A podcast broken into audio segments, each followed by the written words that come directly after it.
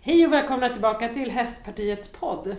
Idag är jag och besöker polisrytteriet här i Stockholm. Och det är ju en fantastisk verksamhet. Jag har träffat Bella Gonzales som är polisryttare och som är med här i podden idag. Tack för att jag får komma. Tack själv. Du är polisryttare och Mm. Bella Gonzales, vem är du? Jag är eh, 34 år och har jobbat som polis i 7-8 år. Mm. Något sånt nu. Jag började som eh, vanlig eh, ordningspolis, eller IG-polis som det heter, på Södermalm i city. Och efter tre och ett halvt år så sökte jag mig till polisrytteriet och kom in och har varit här i fyra år nu som funktion polisryttare då. Men då var du liksom hästtjej innan du blev polis? Ja, jag har ridit sedan jag var 11 år, haft egna hästar, tävlat eh, ja, lite. Inte på jättehög nivå, men hållit på mycket med unghästar och utbildning av hästar och sådär. Och sen flyttade jag till Stockholm, kom in på Polishögskolan. Eh, red inte så mycket, saknade hästarna ganska mycket och sådär. Men jag hade ingen tanke på att bli polisryttare först. Utan det växte liksom fram sen. Efter, när man har jobbat några år så börjar man liksom fundera på om man kanske vill specialisera sig inom något område och sådär. Och då um, kände jag att jag kommer aldrig ha eh, tid och råd att ha egen häst i Stockholm. Mm. Så då kände jag, varför inte kombinera? Varför blev du polis? Eh, vi pratade, du berättade ju lite tidigare om varför du blev politiker. Ja. att du, jag var lite likadan, rebellisk och tyckte ganska mycket om eh, ja, allt och ingenting och samhället när jag var yngre. Och då var det min mamma som sa till mig att så här, ja men bli polis själv då, om du har så mycket åsikter och bevisa att du kan göra det bättre. Ja. Och det, det var så tanken växtes tror jag. Att jag kände att jag ville ha ett sti- stimulerande yrke där jag slipper sitta inne hela dagarna. Mm. Omväxlande, spännande, fysiskt. Ju mer jag läste om det, desto mer intressant blev det. Och sen så sökte jag och kom in. Mm. Och det är mitt bästa val. Vad fränt. Ja, ja Mm. verkligen. Men du var först på Söder här i, i Stockholm. Mm. Hur var det att- jobba som vanlig polis där? Vad var det? Eh, jättekul. Jätte, jätteroligt. Jag slutade ju när jag trivdes som bäst nästan. Mm. Jag trodde inte att jag skulle komma in på rytteriet först med tanke på att det är ganska få som kommer in och högt tryck på platserna. Så då tänkte jag att jag kanske måste börja söka någon gång för att veta vad jag kanske behöver jobba mer på till nästa ansökningsomgång. Mm. Men så kom jag ju in. Och eh, så det, jag slets ju bort lite från Södermalm på ganska kort varsel. Hade turlag som jag trivdes jättebra i. Fantastiska chefer. Jättebra eh, lokalpolisområdeschef. Så att eh, jag har ju fortfarande en jätte, jättegod liksom, relation till att, att det fortfarande finns kvar. Liksom. Mm. Och att man alltid kan gå tillbaka om man känner att man vill eh, omväxla med något annat. Mm. Mm. Men för att bli då polisryttare, krävdes det då någon vidareutbildning? Ja, det gör det ju. Först söker man ju till polisrytteriet när Mm. de har eh, en rekrytering. Och då får man göra ett ridprov, en intervju och fystester. Eh, samt ett gruppmoment som är som ett arbetsprov kan man säga. Mm. Sen kan jag inte avslöja exakt i podden kanske vad alla tester går ut på. Men man ska ändå liksom visa fysiska färdigheter. Mm. Eh, kunna rida på en lätt A-nivå ungefär Mm. gärna ha liksom, man ska kunna hoppa alltså Mm. på en, en grundnivå liksom. Och, ja, så att med fördel så har man ju sysslat med hästar Mm. innan Mm. ändå, mer eller mindre. Och det är aldrig för sent att eh, söka. Det är väldigt många som tänker att "Ja, men jag kan aldrig lära mig rida och sådär. Men det går verkligen för att vi har faktiskt eh, personer på arbetsplatsen som bestämde sig för när de var poliser att jag ska bli polisryttare Mm. började rida några år liksom, Mm. och sen sökte man hit och Mm. kom in. Så att det finns möjligheter ändå. Eh, och sen när man eh, väl har kommit in här så blir man erbjuden en utbildningsplats och då har man en utbildning i funktion polisryttare Mm. på sex månader Mm. med olika block då liksom, som innefattar ridning eh, och sen blir man infasad i själva polisryttarrollen liksom ute på stan och så. Och sen avslutningsvis så har man en handledd period också. Där man hela tiden har instruktör och handledare som Mm. ser till att man ja, tränar på det man behöver träna på och så. För alla som kommer in har ju jätteolika bakgrund. Mm. Vissa har jobbat jätte, jättemycket med folksamlingar och fotbollsmatcher redan och så. Medans jag, som, jag hade ingen sån utbildning. Mm. Men ändå jobbat i city så man har ju är van att jobba mycket liksom, Mm. och med människor och sådär. Mm. Men en av era uppgifter är ju att vara till exempel när det är fotbollsderbyn och liknande. ja. Är det inte lite läskigt att vara, sitta där på sin häst och, och Mm. Det kommer bengaler och Ja. det smäller? Och... Svår fråga. Jag skulle säga att det är lite individuellt. Mm. För eh, som för mig då, som eh, inte är så lång, jag är 1,63, att stå på marken i de situationerna eh, när man har liksom ganska mycket upprörda människor runt omkring sig och sådär, det är väldigt påfrestande. Mm. Men att sitta i sadeln där jag känner mig liksom trygg och bekväm och vet att jag gör någonting som jag är väldigt duktig på, Mm. då får man ett helt annat lugn i kroppen. Mm. Man sitter ju på ganska många hundra kilo också. Så att... Eh, ja, inte för mig. Det är nästan tvärtom. Mm. Sen är det ju såklart ett, eh, ett, en jättestor risk för att eh, jag måste ju alltid ha min kontakt med hästen och känna vart det kommer bära av. Liksom. Så att sitter man på nyare hästar i lite mer krävande situationer brukar vi alltid ha liksom, ett om, en omfallsplanering. Att då får de hästarna gå åt sidan om det blir för mycket. Mm. Eller sådär. Så att vi tar ju inga uppenbara risker när det kommer till nya ekipage, liksom, både med, för nya ryttare och nya hästar. Utan att alla får en, en bra infasning. Liksom. För vad som helst kan ju hända när vi är ute. Mm. Så är det ju. En annan del som ni håller på med är ju mera eh, proaktivt eller förebyggande, Ja. ute och trygga i områden. Berätta! Ja.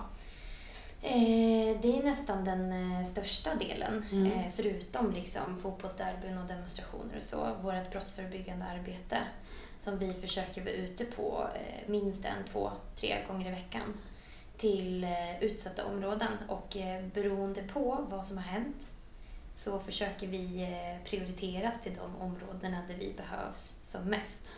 Och vi hade ju velat vara ute mycket mer egentligen. Mm. Men hästarna behöver ju också deras träning och vila och återhämtning och sådär emellanåt. Så att, men nu till exempel så var det ju en skjutning i Jordbro Mm. och då var vi där igår och kommer antagligen vara där i morgon också.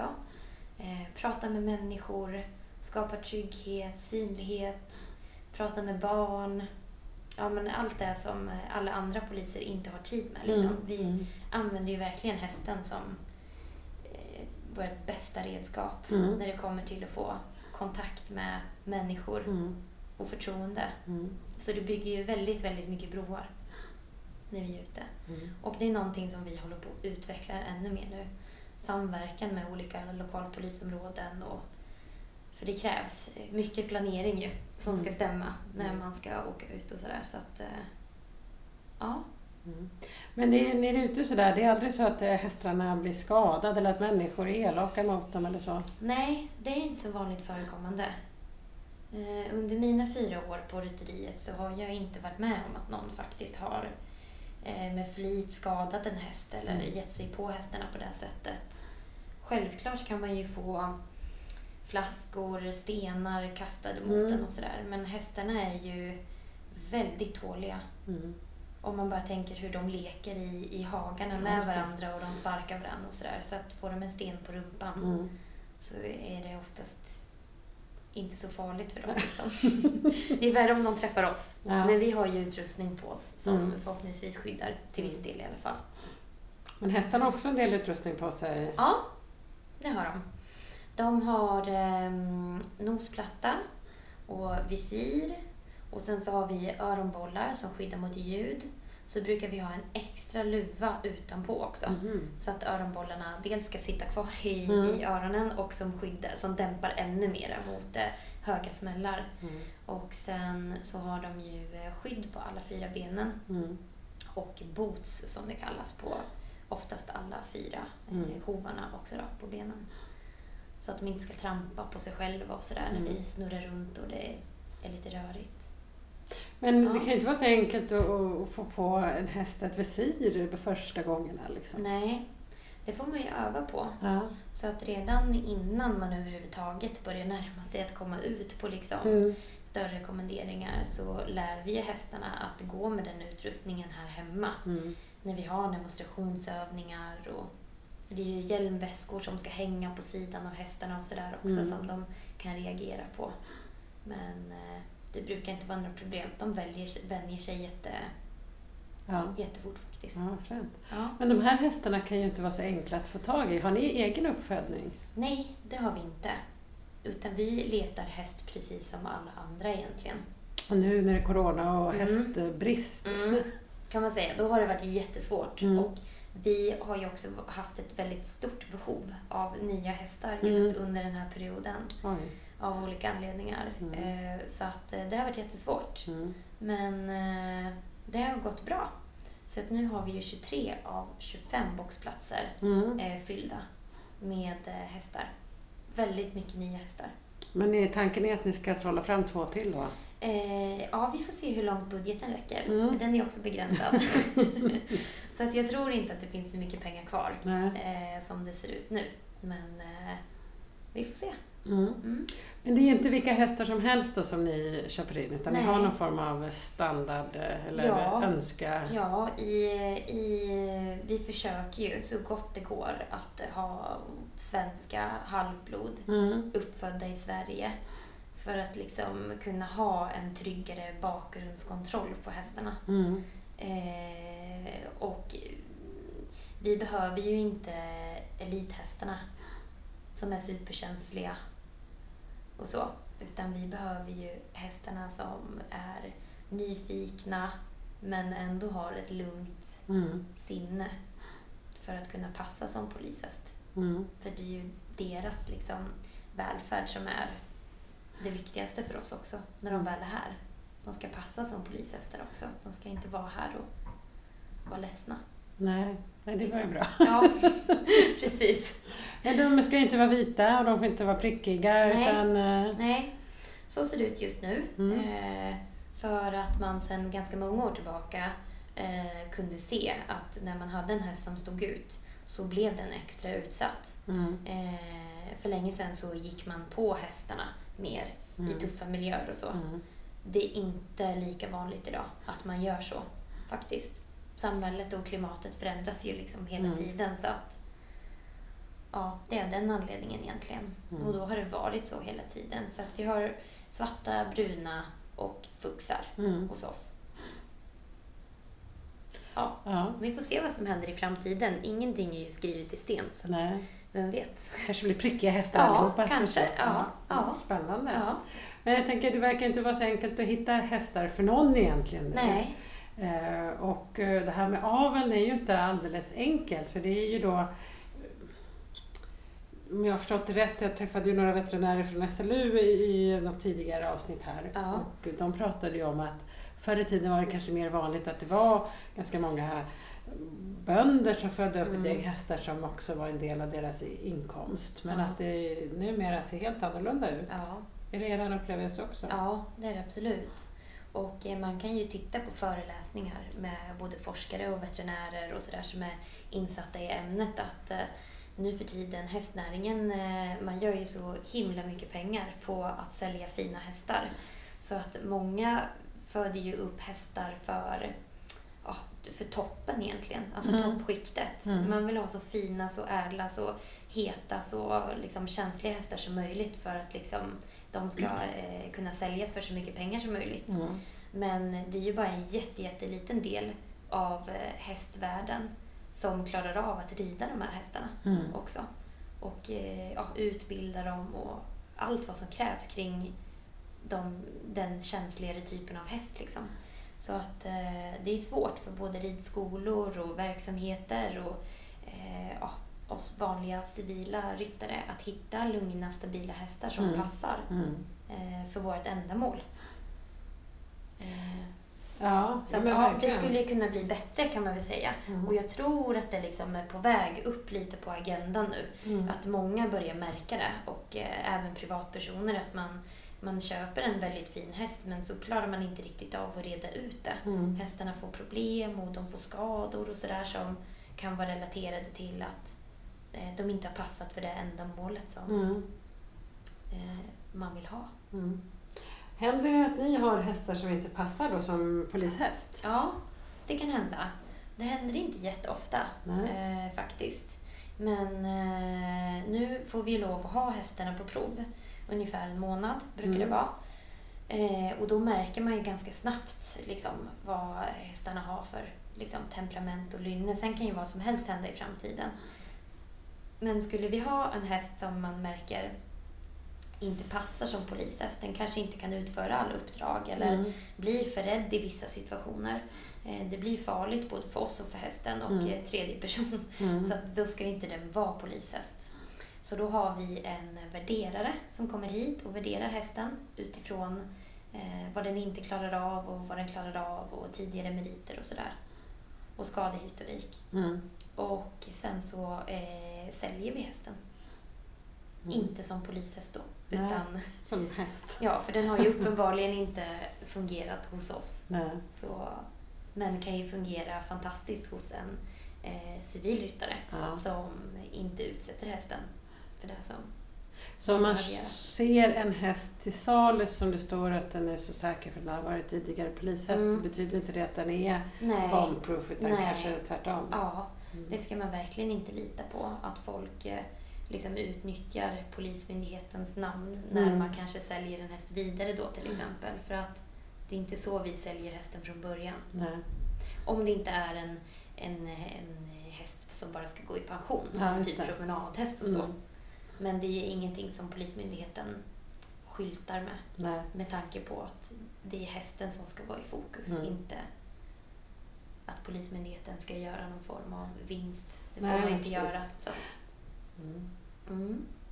Ja, vad intressant. Jag tänker, Ja. eh, har du varit med om något tillfälle där det är eh, någon häst som inte riktigt har funkat så att det faktiskt har blivit ja, något avvikande? ja, men det har jag. Ja, berätta. Det var ganska nyligen så Mm. sålde vi en eh, häst som hade varit hos oss i några år. Och han var lite... Han hade tendenser till alltså för stora liksom flykt Mm. eh, ett för stort flyktbeteende kan man väl säga. För att han ska fungera optimalt som polishäst. Mm. Så att när han blev, han var väldigt känslig. Så att när han blev rädd i vissa situationer så eh, kunde han springa väldigt fort. Liksom. Alltså vända och dra. Eh, inte riktigt vända och dra och han har aldrig gjort det på stan. Mm. Utan det har bara liksom hänt vid övningar som vi Mm. har haft och situationer här inne. Okej. Så att eh, det har aldrig liksom hänt något allvarligt. Men samtidigt så finns inte tiden för oss heller som man behöver lägga ner på en så pass känslig häst Nej. för att den ska fungera i precis alla sammanhang. Mm. Eh, och för hästens skull också så är det ju mer rättvist att han kan gå som en eh, fläckfri fungerande eh, privat Ja. eh, liksom ryttare och ja, bli riden precis som vanligt Mm. utan att det överhuvudtaget är farligt. Men för oss, det vi gör liksom, Mm. med massa utrustning som skramlar och vi måste ju kunna veta att vi kan tappa ner en radio bredvid hästen Mm. utan att den liksom far iväg och sådär. Så att hästarna kan inte vara känsliga för plötsliga plötsliga ljud, plötsliga precis. rörelser Ja. liksom. För att det kan bli farligt. Så att eh, även om han fungerade bra på alla saker han var med på så kan man rent arbetsmiljömässigt inte... Har någon kvar. Nej, precis. Och honom, han säger vi hela tiden, ni har bara valackar. Ja, det Ja. har vi. Ja. Fungerar inte ston på sådana här uppdrag? Eh, jo, men det finns väl absolut. eh, Liksom, de flesta ston skulle Mm. säkert klara det här med bravur tror jag. Men det handlar mer om att vi står på eh, kavallerikasern Mm. där vi inte får ha ston. Mhm. Eh, så polisen hyr ju in sig liksom, på Försvarsmaktens Mm. område. Som bara lite valacker. diskriminering Ja, egentligen. kan man säga. Ja. Jobbar de jämställdheten här hos Ja, hästarna? men precis. Nej, så att det är väl lite därför också. Ja. Så det är ju ston lite känsligare. De brunstar och blir känsligare överlag liksom, Mm. kring just skänkeläge och sådär. Kan bli, behöver inte bli så. Nej. Men, så det är väl eh, någonting som bara har fortsatt. Det är här vi är idag liksom, Mm. och då får vi anpassa oss efter Mm. det helt enkelt. Men hur funkar det då? Ni var i Jordbro igår och Mm. på trygghetsskapande eh, åtgärder. Ja. Då lastar ni in hästar i en buss och drar. Vad liksom, Ja, berätta precis. lite. Nu hade vi planerat att vi skulle åka eh, och göra BF-arbete tisdag och torsdag den här veckan. Mm. Så att när vi hörde då att skjutningen var i, ti- eller i måndags var den ju, Mm. så blev det ganska självklart att vi omprioriterade vår resurs till Jordbro. Mm. Och då hade vi en patrull på plats. Så att när de kommer till jobbet så vet de att de ska åka dit, vad de ska göra, vilka poliser de ska samverka med. Mm. Och det är oftast supertacksamt när vi kommer. Mm. Så att det, och jätte, jätteroligt för oss att vi är så välkomnade överallt. Mm. Ehm, så då lastar vi på hästarna, sadel, träns, den utrustningen de behöver, drar iväg, parkerar, gör i ordning, sitter upp och påbörjar arbetet i några timmar framöver. Mm. Men då gör ni i ordning hästarna själv då? Har ni inte med er någon hästskötare? eller Nej, vi har inte med oss hästskötare, men eh, i mån av tid så hjälper nästan alltid hästskötarna oss med att förbereda hästarna. Mm. För då behöver ju vi kanske rida en häst eller två innan vi drar iväg. Mm. Så då blir de ryktade och putsade och eh, påklädda med det de behöver ha i transporten. Mm. Och sen packar vi bara in grejerna och hästarna Drar. och drar. Ja. Ja, precis. Du sa rida en häst innan, det ingår Mm. också i ditt jobb då? Det är liksom träning av hästar Ja. och... Precis. Ja. Som det ser ut nu så får vi ut ungefär 50% av vår verksamhet är operativ. Mm. Och 50% är just nu träning. Mm. Eh, mycket beroende på att vi har väldigt mycket nya hästar. Mm. Och alla de hästarna går ju inte jobb som det ser ut i nuläget utan det är bara fokus på deras eh, ridutbildning och polisutbildning Mm. för att vara säkra polishästar. Så att våra hästar kan ju inte gå hur mycket jobb som helst. Nej. De behöver ju också vara glada, positiva, få liksom återhämtning, en skogsrunda Mm. eh, och all annan träning, miljöträning och vi behöver ju träna hästarna för en viss eh, liksom kvalitet också till våra kvalitetssäkringar som Mm. vi har i dressyr. Då är det ju lätt A-program som vi rider Mm. och sen så är det ett miljöprov med diverse olika moment som man ska klara tillsammans med eh, den hästen man har. Mm. Och en, eh, ett formationsprov där vi rider liksom alla våra formationer som vi använder oss av ute på kommenderingar. Mm. Och det här ska man bli godkänd på. Så på dressyren så måste vi rida på minst 60 procent. Mm. Och miljöprovet så är det våran eh, hippolog och utbildningsansvariga som eh, bedömer om vi blir godkända Mm. eller om man kanske behöver öva på något specifikt moment mera med Mm. hästen. Mm. Eh, och i formationerna så ska vi rida snygga, prydliga formationer. Hästen ska vara avslappnad och eh, kunna gå liksom, tillsammans i flocken på Mm. ett ja, bra sätt. Men är det mest vanligt att man är ett ekipage, det vill säga att du har huvudansvar för någon häst? Eller? Ja, precis. Mm. Man har sin ansvarshäst Mm. Men så har man också pooler på alla olika hästar. Så man, är, man har sin ansvarshäst och sen har man ungefär två till tre ryttare till som är på den hästen. Mm. Så att man försöker följa någon form av röd tråd. Så att det inte blir för mycket spridning på alla hästar man rider. Utan eh, det ska ändå finnas utrymme för omfall. Om Mm. eh, någon häst kanske har gått mycket jobb så Mm. behöver man kanske ta en annan häst. Eller sådär. Mm. Så att, eh, ja, så är det ju. Och ibland kan man ha två. Med tanke på att vi inte är jättemånga ryttare, men Mm. har 23 hästar. Och det är ju unghästar också, så ibland har man ju en unghäst också. Samtidigt som man har sin liksom, tjänstehäst parallellt. Mm. Men hur kan en dag se ut här då, då när man kommer in och ska Mm. jobba som polisryttare? Ja, men ofta så eh, har ju vår hippolog och utbildningsansvariga, hon har ju ansvaret för hästarnas liksom, eh, utbildning och träningsupplägg. Mm. Eh, så att många gånger så är det lite förbestämt vad hästarna behöver göra för arbete eller Mm. arbetsuppgifter just den dagen.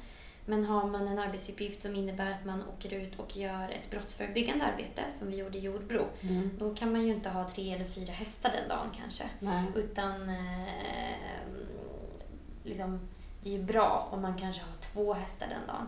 Så rider man en häst först eh, på det den behöver göra Mm. och sen eh, rider man och åker iväg med den hästen som man har. Annars blir det lite tajt. Vi har ju inte hur mycket arbetstid Nej. som helst om dagarna. Liksom. Så att, men ungefär så brukar man väl snitta på att man har cirka tre hästar om dagen. Mm. Men när ni åker iväg sådär på eh, brottsförebyggande, hur Mm. många timmar är man ute och rider då? Alltså det är helt olika på, från situation till situation. Mm. Men rider man ett sånt brottsförebyggande pass, det kan vara allt ifrån två till fem timmar. Beroende på hur upplägget är just den dagen Mm. och vad man får för inriktning kanske från områdespoliserna där och då. Men eh, man försöker ju, det blir jobbigt för hästarna att gå en hel dag. Mm. Så att är man där mer än två, tre timmar då sitter man alltid av Mm. eh, i vissa lägen där man känner att det passar. Ja, Mm. Så att hästarna kan få beta och så. Just det, de måste göra mat ibland också. Ja, men precis. Ja, men också att de alltid liksom tycker att det är trevligt att Mm. komma ut. Liksom. Mm. De tycker oftast att det är jättekul Mm. faktiskt. Ja. Mm. Men här så är det ju ingen jättehagar. Vi befinner oss mitt i, Ja. i huvudstaden. Mm. Eh, så att eh, då får de beta när de är ute på Ja, tjänstgöring. Ja, men precis. Vi, har ju, vi släpper ju hästarna två och två Mm. för att de ändå ska få stimulans av varandra liksom i vardagen också, som vi tycker funkar eh, bra. Eh, och sen för att de ska få ännu mer utevistelse så försöker vi ju oftast eh, rida ut dem de dagarna Mm. vi inte har jobb och sådär. Och sen så brukar man ta hästen på en extra promenad varje dag också. Okej. Så förutom ridning så får de oftast gå promenad och gå ut och beta lite. Eller ja, vad den behöver träna på helt Mm. enkelt för hand också faktiskt. Så du får ihop dina steg varje dag? Ja, det kan man säga. Ja. Absolut. Och våra hästskötare om inte annat, de har ju herregud så många steg om dagen de Ja. går. De är helt fantastiska. Mm. De mockar och de släpper Ja. in och ut och tar hand om hästar och Så de har ju, förbereder. precis, de har ju fullt ansvar för eh, allting som har med hästarna i stallet att göra. Mm. Eh, utrustning, foder, eh, ja. Allt som de hinner med att göra Mm. gör ju de med hästarna. Mm. Sen gör ju vi alltid i ordning hästarna själva inför lektioner eller vanliga ridpass. Mm. Men de, det är alltid de som ser till att hästarna är tipptopp inför eh, korteger och större jobb. Mm. Kortege, det verkar ju fränt. Har du ridit Mm. en kortege med, med kronprinsessan eller Eh, kungen ja. eller så? Ja, men det har vi gjort Ja. ganska många gånger Ja. ändå. Ja. Det måste ändå kännas rätt häftigt. Eh, ja, men det gör det. Det är klart, det känns, eh, det känns eh, som ett hedersuppdrag ändå Ja. på något sätt. Och, eh, eh, man blir ju mäkta stolt över hästarna när man eh, märker att de gör ett eh, fantastiskt jobb och låter oss arbeta på det sättet som vi kan göra. Mm. Sen när vi jobbar med hovet så eh, vi måste ju ha vårt fokus utåt från Mm. kortegen. Så att även om man kanske har vagnen med kungen eller kronprinsessan i så eh, tittar vi aldrig på dem. Nej. Vi har ju fullt fokus utåt Mm. mot publik för att kunna Mm. liksom, eh, upptäcka potentiella hot och sådär. Du berättade för mig innan att när ni Mm. har nya hästar så gick ni alltid förbi på Arsenalsgatan där det Ja, står men precis. häststatyer. Ja, det stämmer. Ja, för att de ska känna sig trygga med dem. Men jag Ja. tänker om ni nu kommer och ska gå kortege med hovstallet, Ja. hälsa hästarna på varandra innan ni trippar iväg? Eh, nej, det gör vi oftast inte. Men däremot så har vi ju väldigt mycket övningar med hovstallet Mm. och det är av just den anledningen att hästarna ska eh, vänja sig vid att gå precis vid vagnarna och det Mm. knastrar runt hjulen och deras hästar har ju utrustning som skramlar och Mm. det ser ju helt annorlunda ut kontra andra hästar. Så de brukar tycka att det, det kan vara lite obehagligt för hästarna Ja. i början. Men eh, därför är det superviktigt att vi får den tiden att träna tillsammans Mm. så brukar vi eh, dra ut till Djurgården med dem och köra några varv Mm. där ute.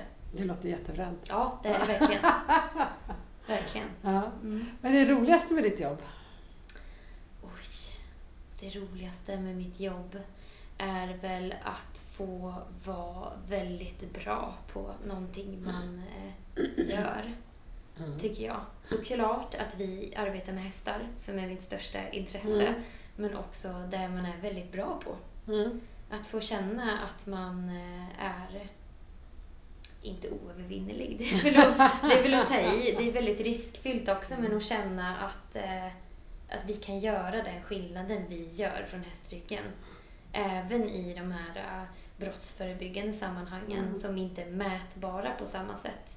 Att vi gör skillnad på ett fotbollsderby där det är fullt slagsmål, det vet alla. Mm. Men det arbetet som vi gör med alla barn och liksom ungdomar och vanliga människor som får liksom känna trygghet och sådär när vi kommer. Det är ju det är ovärderligt verkligen. Mm. Och, och kunna se det hos människor. Liksom. Fantastiskt. Mm. Vad häftigt. Mm. Men du, om det är någon som lyssnar på den här podden nu Ja. som håller på med hästar men som inte är polis eller liksom, har du något Ja. tips om man vill, om man vill eh, hamna i dina skor? Om man är sugen på att bli polisryttare Ja. så ska man ju sök till att bli polis. Ja, steg ett. Gör det, för att man ångrar sig aldrig. Mm. Det är ett helt eh, unikt och fantastiskt yrke som har så många olika riktningar man kan eh, välja att gå i. Men jag tycker att innan man specialiserar sig inom ett visst område, man kan ju alltid ha det som ett mål, Mm. men eh, att man eh, jobbar ute lite Mm. som vanlig polis samlar erfarenhet och träffar kollegor och lär sig om livet liksom, Ja. innan man eh, väljer. För det är väldigt nischat. Man måste älska hästar för att vara på den här arbetsplatsen, Mm. så är det. Mm. Så att vill man bli polisryttare så eh, go for it. Mm. Det är aldrig för sent. Mm. Vi... Eh, ja, nej. Det är så välkommet. Mm. Vad kul! Ja, Mm. det, och ni hade precis eh, en annons ute för att Ja. ni sökte ny. Precis. Ja, vad spännande. Mm. Ja, verkligen. Mm. Så att nu hoppas vi eh, på att vi får in många ansökningar Mm. så att det blir ett bra urval. Mm. Häftigt. Ja. Men kan du, mä- finns det de som har börjat här som man märker faktiskt inte passar? Eh, jag tror att man märker det själv. Okej. Eh, att det inte var så som man tänkte till exempel. Men det händer typ aldrig. Nej, Nej. det är så stor urvalsprocess. Ja, ja, men verkligen. Och Mm. det känns som att eh, under mina år här och de rekryteringarna som vi har haft nu, Mm. då har ju majoriteten stannat. Mm. För att man... Och jag tror att det tar ett tag också att komma in i arbetet som polisryttare. Att göra alla jobb, att få de utbildningarna man be- behöver. Mm. Man ska göra grundutbildningen och sådär. Så förhoppningsvis så känner man kanske redan under grundutbildningen att det här var inget för mig. Eller att kroppen inte klarar av det eller sådär. Det kan ju hända sånt också, att man Mm. skadar sig Mm. och av den anledningen inte kan fortsätta. Mm. Är det mycket skador? Nej, det skulle jag inte säga. Eh, det är klart att vi ramlar av ibland Mm. och får diverse skador och skavanker. Men eh, vi försöker ju förebygga det Mm. i största möjliga mån det går. Mm. Men det är hästar vi sitter på. Mm. Så att även i de tryggaste situationerna kan det ju hända saker som man Mm. inte har räknat med. Mm. Mm. Så, Jag ja. tänker, eh, när det då blir skador, är det oftast under träning eller är det under eh, när man är ute? Oftast under träning skulle Mm. jag säga. Eh, Jag har aldrig varit med om någon eh, liksom, större... Jo, vi hade ju en häst och en ryttare som blev påkörd här Oj! för, vad kan det vara, två år sedan Mhm. ungefär. Mm. Eh, Här mitt i stan? Ja, Mhm. mitt i stan. Det var en, det var en det var en jättetråkig situation. Ryttaren klarade sig väldigt bra. Hästen trodde vi att vi skulle få avliva på plats först. Mm. Men eh, lyckades få jätte, jättebra hjälp av eh, brandkår och veterinär som sen kunde komma till platsen. Man kunde få på hästen på transporten. Han klarade transporten in. Man lyckades göra en operation. Mm. Eh, ja, och han är hos den polisryttaren idag. Så han är inte polishäst längre ju, Nej. av förklarliga skäl. Mm. Eh, det gick ju sönder en del, eh, liksom, något höftben och Oj. lite sådär. Men han eh, mår jättebra idag. Och är som vanlig ridhäst. Ja, precis. Precis, utifrån hans förutsättningar. Mm. Men han har inga speciella begränsningar. Från att man Mm. trodde att han inte skulle överleva en minut till, till att han har det fantastiskt bra idag.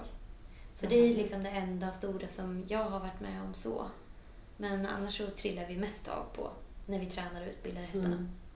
Men hur kommer det sig att den här människan körde på hästen? Såg han inte hästen? Eh, alltså det är lite oklart. Jag är inte jätteinsatt i Nej. den utredningen. Men eh, det var en person som eh, antagligen var äldre och lite förvirrad. Och eh, Mhm.